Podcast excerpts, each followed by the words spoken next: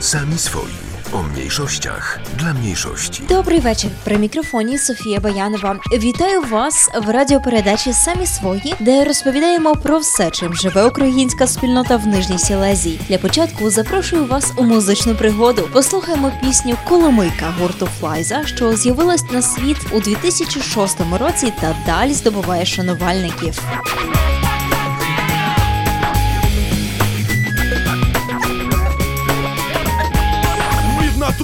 Розповсюджує звуки. Це не фанфари. Це музика рухів! Добре, добре граємо. Весело співаємо! Танцюємо так добре, Руками махаємо. Ми всі дуже файно відпочиваємо. Весело проводим час та посмішками сяємо. Давайте всі покажемо, які ми є талановиті. Може, файно затанцюємо. Або заграємо на трембіті! Коломийку я не можу спати Через тую коломийку я не можу спати через тую коломийку!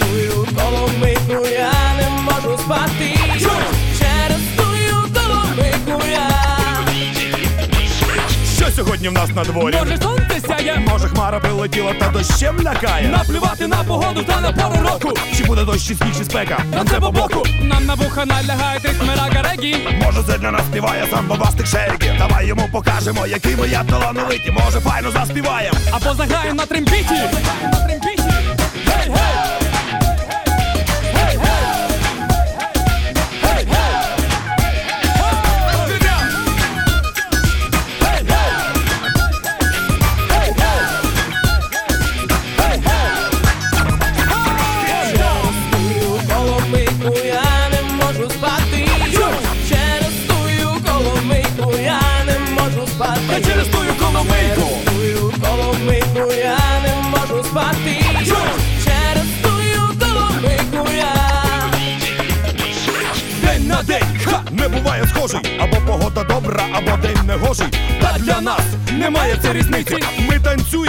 Не сідниці.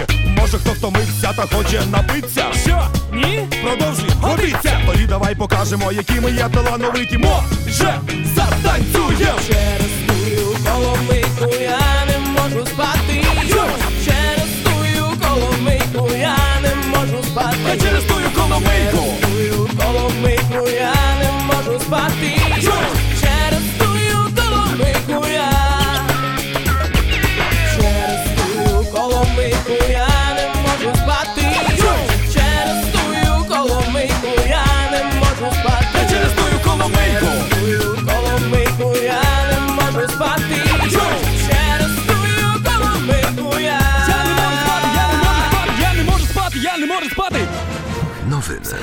Ковід колишній головний санітарний інспектор доктор Марек Пасобкевич вважає, що Польща зараз перебуває у фазі зменшення кількості заражень коронавірусом, але третя хвиля епідемії все ще триває. Міністерство здоров'я повідомило 27 квітня про 5709 нових випадків зараження коронавірусом і 640 смертельних випадків. Близько 27 тисяч людей перебуває у лікарнях. До апаратів штучної вентиляції легень під'єднано 3 тисячі осіб.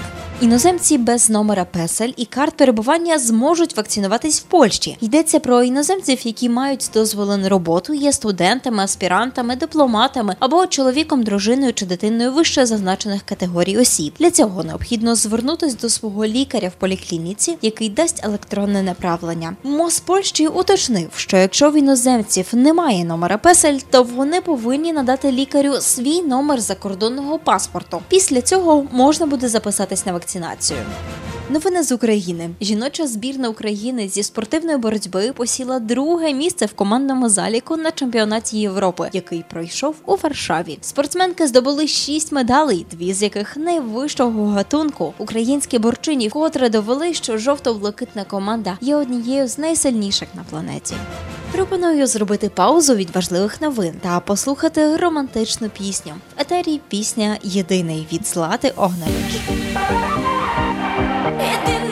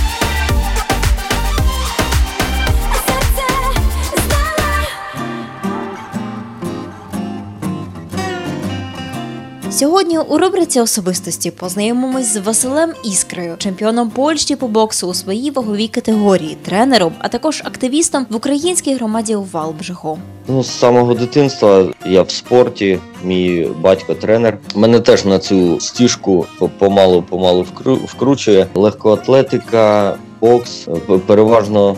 Ну, на першому місці бокс в спорті. Дуже люблю кухню, готую, е, працюю в піцерії. Власне, я б хотіла заглибитись е, спочатку в вашу спортивну діяльність. Перше місце на області в Дольношльонському воєводстві і третє місце на Польщі в 2018 році. Е, Тренуємось ми е, на Хробрего, на нашому стоваришенню. У нас там уже купа снарядження. Тренуються мої друзі з України, і так само маю друзів з польського клубу Павлжиху. То вони часами приходять до, до нас. Ну вони трошки так в шоці від наших тренувань, бо ну ми звикли по дві, по дві з половиною години працювати. Ми, ми з хлопцями вже так звикли працювати. Дуже люблю по горам бігати. Валбжик якраз це добра місцевість для таких пробіжок. Наприклад, вчора то був гора е, Хелміц. Наразі на нові змагання по боксу то не збираємось. Зараз пройшов чемпіонат світу в Кельце в Польщі. Там був один з наших е, учасників клубу. На майбутнє це Кубок Польщі і чемпіонат Польщі. Це десь під кінець року, в четвертому кварталі. Часами приймаю участь. Це як така ну, теж маленька пасія. Бігати на коротких та довгих дистанціях. Перший мій біг був 10 кілометрів тут в Польщі. В принципі, я в Польщі почав на змаганнях бігати, бо в Україні просто як крос 2-3 кілометри. На даний момент у нас буде в Вроцлаві Survival Race, там на морському оку. Не знаю, десятки таких змагань з перешкодами пробіг. Зараз у нас команда 6 чоловік. Стартуємо 29 мая. Я в якийсь момент дуже полюбив гори і е, ходив спочатку сам, а потім з друзями. Е, І помалу я почав е, так якби ззивати друзів, і потім вже познайомився з Іриною, з товаришенням, і з'явилася така ідея організувати турпохід. Ми ходили на гору Хелміц, відвідували гору Сніжка. І загалом, я так розумію, ви активіст. Перерахуйте, будь ласка, чим ще займаєтесь, що вважаєте дійсно цікаво ще знати про вас. Староста в церкві у Валжиху для душі. Так, ви- вивчаю письмо старослов'янське, читаю е, часи, третій, шостий час перед літургією. Е, Ну, як староста, то вико- виконую обов'язок розпалювання свічок, гасіння та прибирання в церкві. Зараз здається такий кропотливий важливий момент для Валжиха. Е, Маємо вже е, місце е, для будови церкви, і дякуючи Богу, це.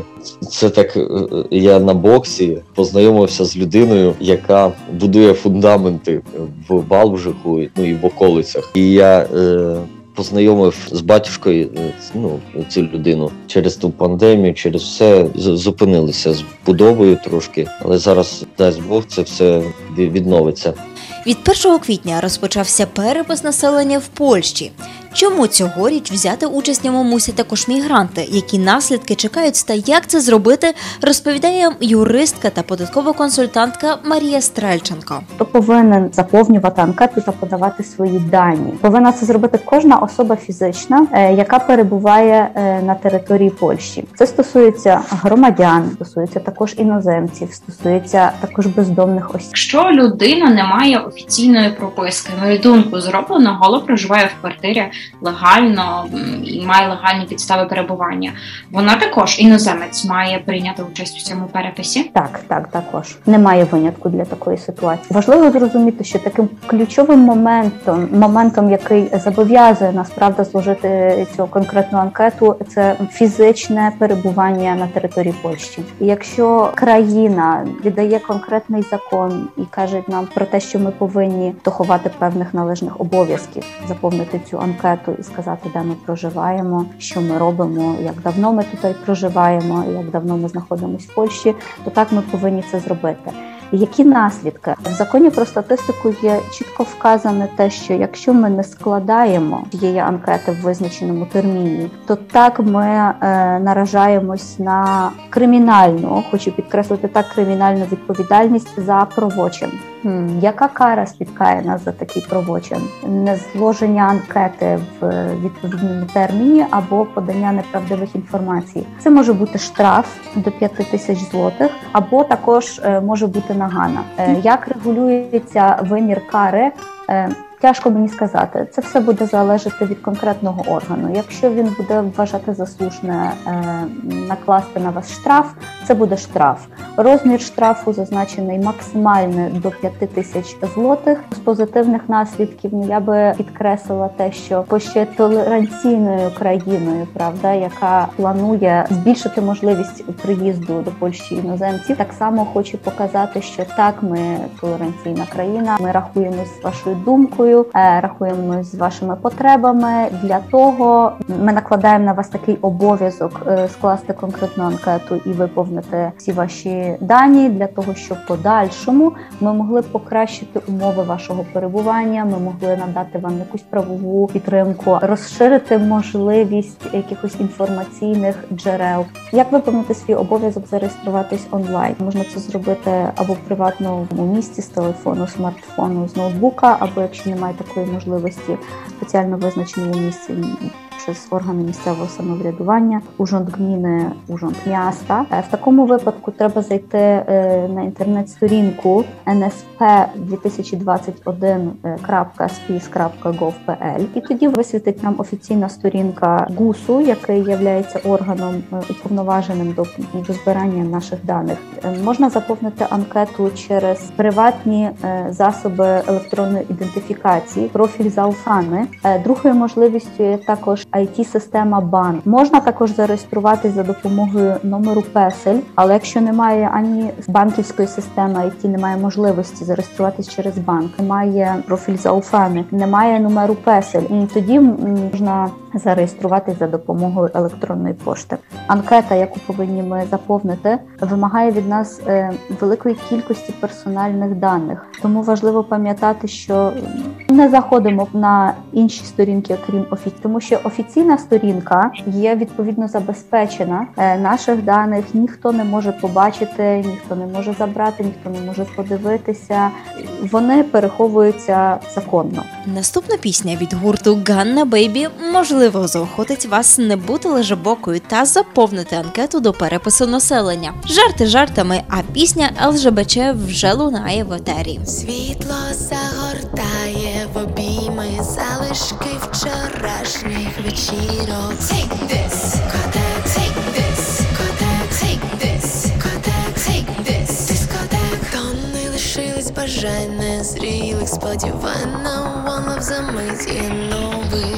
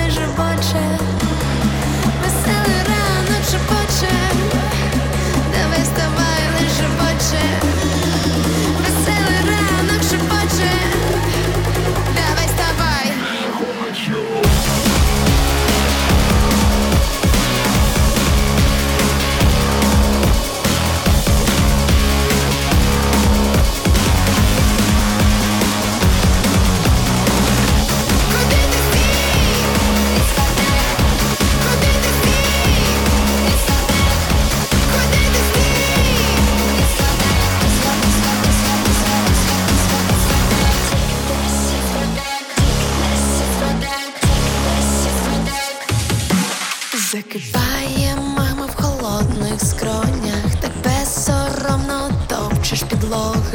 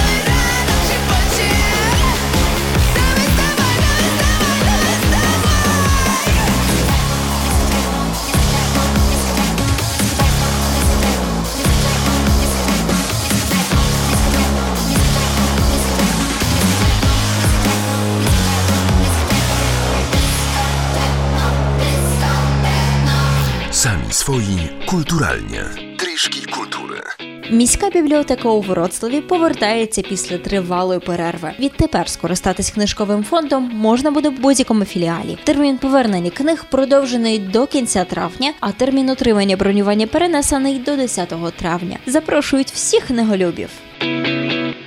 Ботанічному саду у Вроцлаві можна буде прогулятись найбільшою виставкою динозаврів в Європі. Дінопарк буде відчинений 1 травня та потриває до кінця місяця. Виставка моделей рептилій мезозойської ери в натуральну величину це результат співпраці саду та Юра Парк, парку науки і розваг краси Йові.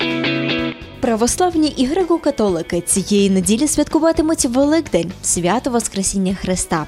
Представляю вашій увазі розклад богослужінь, а також де і коли можна буде посвятити Паски. Українській греко-католицькій парафії Воздвиження Чесного Христа за адресою площа Нанкера 15, п'ятницю о 6 вечора пройде вечірня з виставленням плащаниці. В суботу від 13 до 18 в рівних годинах планується посвячення пасок, а від 10 вечора розпочнеться нагробне та пасхальна літургія. У Великдень 2 травня служіння пройдуть о 7, 10, 12. Також можна буде посвятити Паски. Парафії імені святих Кирила та Мефотія, що знаходиться на вулиці Святої Єдвіги 13, у Велику П'ятницю о 15 пройде богослужіння з виставленням плащаниці. В суботу від 11 до 7 вечора можна буде посвятити їжу, а пасхальне богослужіння розпочнеться о 23.30. В православному соборі народження Пресвятої Богородиці, що на вулиці Святого Миколая 40, 30 квітня о 14 пройде богослужінням з виставленням плащаниці, а о 23.30 розпочнеться пасхальне богослужіння. У велику суботу запланована літургія від 8 ранку, від 12 до 7 вечора можна буде посвятити Паски.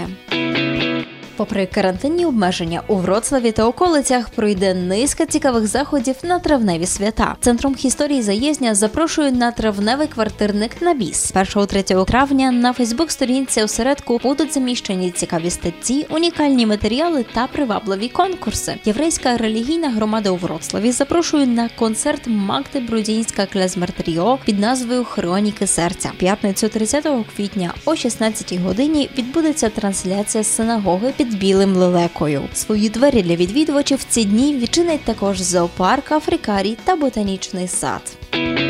Кажуть, середа це маленька п'ятниця. А для тих, хто хоче зробити собі відпочинок у будній день, пісня від Михайло Хомадзіцьо. Я натомість дякую за вашу увагу. З вами була Софія Баянова у радіопередачі Самі свої. Бажаю щастя і радості, віри та благополуччя на Великдень. До зустрічі незмінно в наступну середу. На добраніч. Нині нельотна погода, коротше таную вона.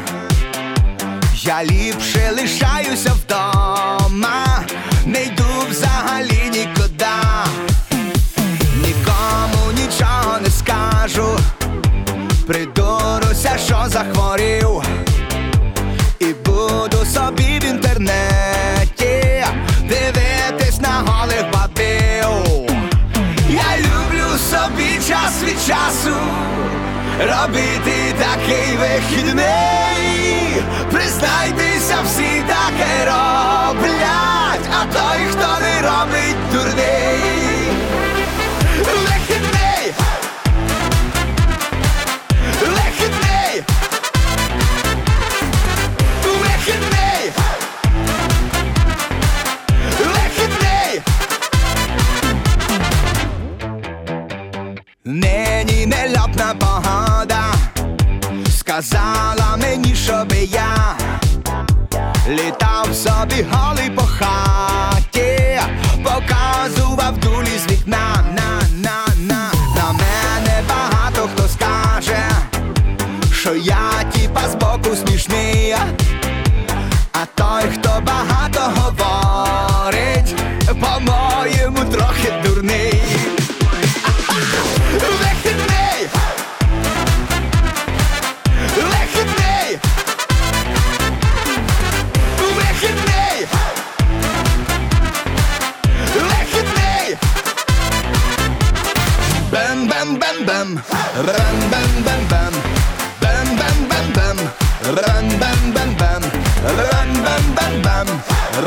Бем-бем-бем-бем! Бем-бем-бем-бем! Бем-бем-бем-бем! Я люблю собі час від часу робити такий вихідний. Признайтеся, всі таке роблять, а той, хто не робить дурний.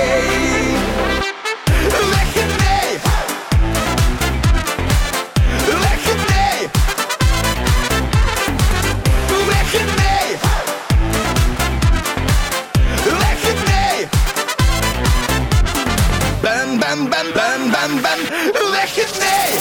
Bam, bam, bam. Weg.